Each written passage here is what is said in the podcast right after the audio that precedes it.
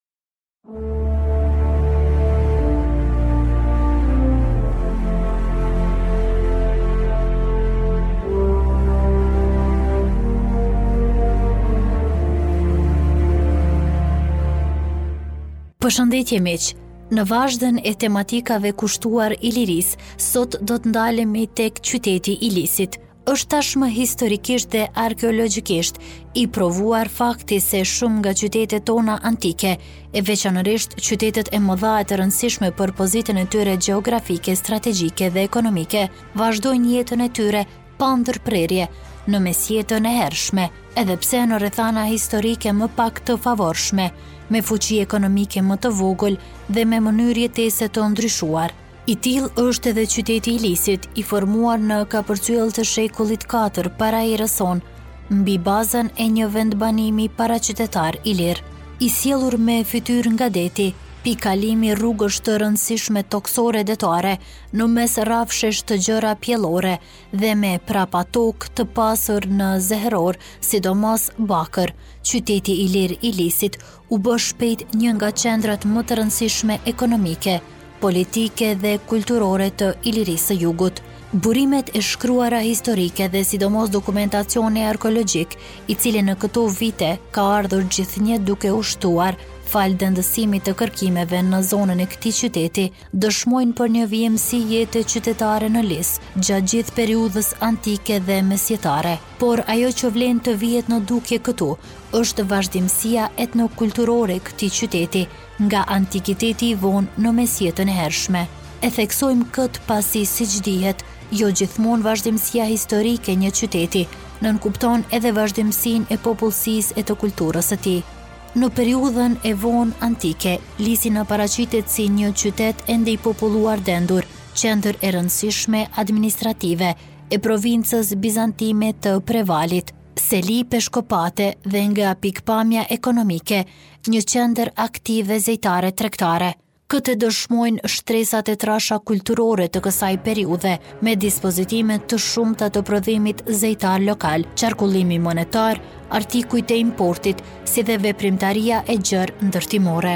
Vështrimi i ngjarjeve historike të kohës na shpie në 10 vjeçarin e fundit të shekullit 6 tek një pushtim i përkohshëm i qytetit, siç duket nga sllavët, dhe që detyroi peshkopin e tij Joanin të largohet nga Lisi për sa kohë që qyteti do të qëndronte në duar të armiqve. Çfarëdo që të kenë qenë pasojat e këtij pushtimi, historikisht të panjohura prej nesh, duket e qartë, të paktën në dritën e zbulimeve arkeologjike, se qyteti nuk qe shkatërruar dhe aq më pak braktisur nga popullsia e tij, ç'është e vërteta në shekullin shtatë dhe tetë, Lisi ashtu sikurse dhe qytetet e tjera të vendit nuk e ka më fuqinë e mëparshme ekonomike, as shtrirjen urbanistike dhe dendësinë e popullsisë së periudhës së vonë antike. Faktorë të brendshëm dhe në mënyrë të veçantë situatat jo të favorshme historike që u krijuan me dyndjen e popullsive barbare ndikuan në këtë drejtim, megjithëse ato nuk qenë dhe aq shkatërrimtare sa në krahinat e tjera të Ballkanit. Ka të dhëna, qoftë edhe të tërthorta, që flasin për një tkurrje të ndjeshme të qytetit në shekullin shtatë dhe tetë dhe për përqendrimin e hapësirës jetësore të këtij kryesisht në lagjet e poshtme buzë Drinit. Është pikërisht kjo zonë që del në këtë kohë e rrethuar dhe me mure të përforcuar, me kontrafortë dhe kulla katërkëndëshe, gjurmët e të cilave ruhen edhe sot e kësaj dite në krahun lindor të qytetit.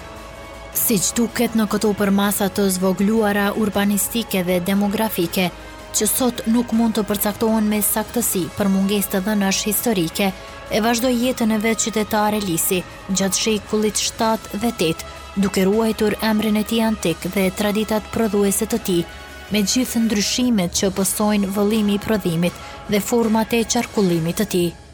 Gjatë dy shekujve të parë të mesjetës së hershme, nuk vihen re ndërtime të karakterit monumental, shprehje kjo e tërthortë e fuqisë së kufizuar ekonomike të qytetit në këtë kohë. Megjithatë, disa nevoja të qytetit vazhdojnë të plotësohen ende nga godinat publike apo të kultit të periudhës së vonë antike. Të tilla ishin për shembull disa bazilika paleokristiane, të ndodhura intra et extramuros, të mëdha në përmasa, dhe të pasura në formimin e tyre arkitektonik dhe konkretisht Bazilika e Shën Gjergjit, e cila sipas një relacioni kishtar të vitit 1629, duhet të ketë vazhduar të shërbejë deri në shekullin 15, si dhe Bazilika nën themelet e kishës së Shën Kollit, kjo e fundit e rindërtuar disa herë radhazi gjatë mesjetës. Kjo vazhdimësi etnokulturore në këtë periudhë shfaqet edhe në ritet e varrimit dhe në artikujt e prodhimit zejtar lokal. Në këto drejtime të dhënat më kuptimplote, na jep tani varreza e qytetit të hershëm mesjetar në qafën e kalasë. Ajo që tërheq fillimisht vëmendjen në këtë varrezë është vendndodhja e saj në një pikë periferike të qytetit e shfrytëzuar që më parë për varrime dhe konkretisht që në periudhën e antikitetit të vonë. Së dyti, është ndërtimi i varrezave në formë arkash guri, vendosja e kufomës shtrirë në shpinë me duar të kryqëzuara në gjoks dhe të lëshuara përgjatë këmbëve, si dhe ripërdorimi i varreve, të gjitha këto dukuri karakteristike edhe për varrimet e periudhës së vonë antike të së njëjtës varrezë. S'ka dyshim se edhe në këtë vështrim të veçantë të kulturës shpirtërore, ne gjendemi përpara një trashëgimie të drejtpërdrejtë dhe të pakundërshtueshme të traditave të antikitetit të vonë në Mesjetën e Hershme, gjë që flet për praninë e së njëjtës popullsi në të dy këto periudha të njëpasnjëshme të jetës së qytetit. Vazhdimësia etnokulturore e qytetit pasqyrohet po aq qartë edhe në vetë kontekstin e kulturës së kësaj varreze të datuar në shekullin shtatë-tetë. Inventari i saj i përbërë nga vegla pune dhe armë hekuri nga stoli të ndryshme prej bronzi dhe argjendi, nga prodhime qeramike dhe shumë sende të tjera të përdorimit praktik dhe zbukurimi, riprodhon në përgjithësi tiparet më themelore të grupit kulturor të Komanit, të quajtur ndryshe dhe kulturë e hershme shqiptare ose arbërore. Është vërtetuar nëpërmjet kësaj varreze se Lisi hyn në këtë grup kulturor jo si një pikë e largët apo periferike e tij, por përkundrazi, si një nga qendrat më aktive të formimit të kësaj kulture. Gjithashtu është argumentuar tashmë mirë dhe fakti se shumë nga elementet përbërëse të kësaj kulture ose përsërisin pa ndryshuar format e prodhimit artizanal lokal të antikitetit të vonë, ose riprodhojnë trajta të reja tipologjikisht të zhvilluara nga prototipe të kulturës provinciale ilire të kohës së vonë antike. S'ka dyshim se në formimin autokton të kësaj kulture me tipare dalluese etnogjeografike, një rol të veçantë kanë edhe ndikimet e artizanatit të hershëm bizantin, Por edhe në këtë rast duhet theksuar se ato shfaqen këtu më tepër si përpunime vendëse të modeleve bizantine. Lidhur me këtë, vlen të vihet në dukje se disa forma sendesh të kulturës arbërore të Lisit, siç janë disa tipa vathësh, kanë një përhapje gjeografike shumë të gjerë, që shkom përtej trevave shqiptare, dhe çka është më interesante paraqiten po aq karakteristike për kulturën arbërore, sa dhe për atë sllave. Kjo dukuri, natyrisht, nuk është e rastit, por as nuk duhet shpjeguar siç bëjnë disa arkeologë jugosllavë me praninë e elementit etnik sllav në grupin kulturor të Komanit dhe aq më pak me ndonjë simbiozë shqiptaro-sllave. Vetë fakti se në Lis këto forma të ngjashme vathësh dalin kronologjikisht më të hershme, nga ato të kulturës sllave, madje në disa raste edhe me ndonjë veçori të vogël dalluese krahinore, tregon për një zhvillim të tyre tipologjik të pavarur nga kultura sllave. Natyrisht, gjithnjë duke pasur për bazë në të dy rastet prototipet e artizanatit bizantin.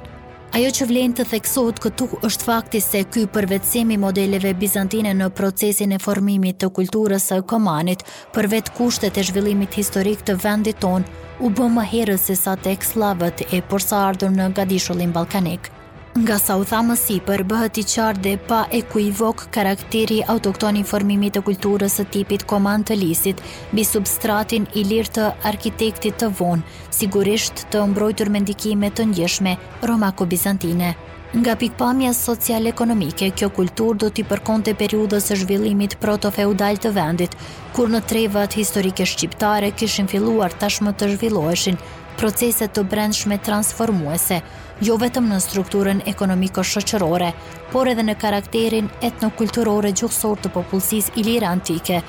dhe që çuan në shndërrimin e shkallëzuar të saj në popullsi të njohur historikisht me emrin Arbër. Prej këtej edhe emërtimi kulturë e hershme arbërore për kulturën e Komanit. Në këtë kuptim, pra mund të themi se kultura e Komanit i përket fazës së hershme të procesit historik të formimit autokton të popullit shqiptar. Ato pak elemente të huaja të futura në kulturën e varrezës arbërore të Lisit, siç janë një fibulë gishtore e tipit slaviano danubian, disa gjuhëza rripi prej bronzi si dhe ndonjë majë shigjete trifletëshe, tipike avare, janë shfaqje tepër të rralla dhe për më tepër jo vepruese kundrejt procesit të brendshëm të formimit të kulturës arbërore. Sidoqoftë, prania e tyre në Lis nuk është e rastit. Ne mendojmë se ato mund të lidhen fare mirë me vërshimet e para të popullsive avarosllave në Shqipëri, vërshime të cilat në Lis qenë pasuar, siç dihet dhe siç lihet të kuptohet, nga njoftimi i sipërcekur i Papës Pavli I dhe me një ngulim të përkohshëm të ndonjë grupi,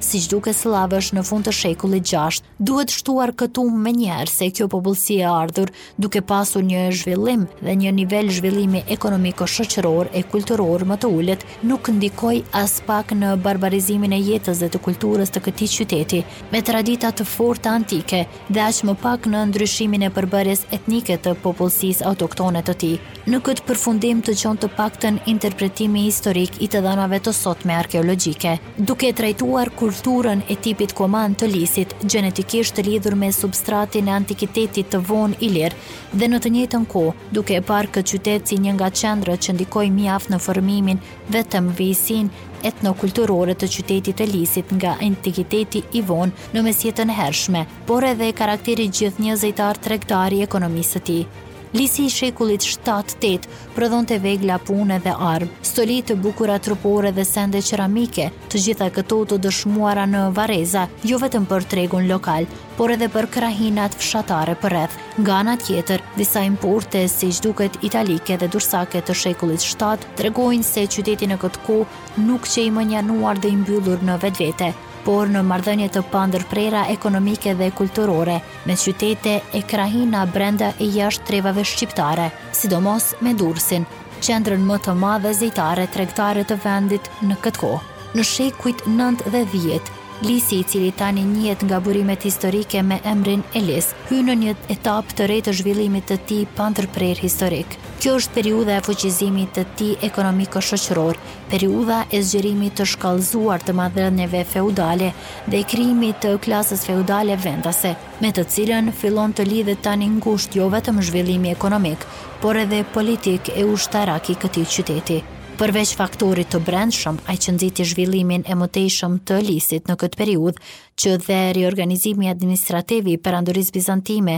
dhe krijimi i Temës së Durrësit, Në këtë sistem të ri organizimi administrativo-ushtarak, Lisi përfshihet jo vetëm si një pikë e rëndësishme strategjike dhe tepër e fortifikuar, por dhe si një qendër me rezerva të mëdha ekonomike. Qyteti zgjerohet dhe riforcohet në këtë kohë, me një sistem të fuqishëm muresh rrethimi, ndërsa sipër kodrës mbizotëruese të tij, mbi rrënojat e mureve të Akropolit të dikurshëm antik, u ngritën të larta dhe të pamposhtura, muret e kështjellës arbërore të Lisit, bërthama më e fortë e qëndresës së tij gjatë shekujve të Mesjetës. Kështu pra, Lisi që në shekullin nëntë, dhjetë, merr formën e një qyteti tipik arbëror, me një sistem të dyfishtë fortifikues, qytet e kështjellë, Dhe këtë sistem mbrojtës ai do ta ruajë dhe mirëmbajë, siç del nga një burim arkival venedikas i vitit një mijë e katërqind e katërdhjetë e tre deri në pushtimin osman. Për vazhdimësinë etnokulturore iliro-arbërore në qytetin e Lisit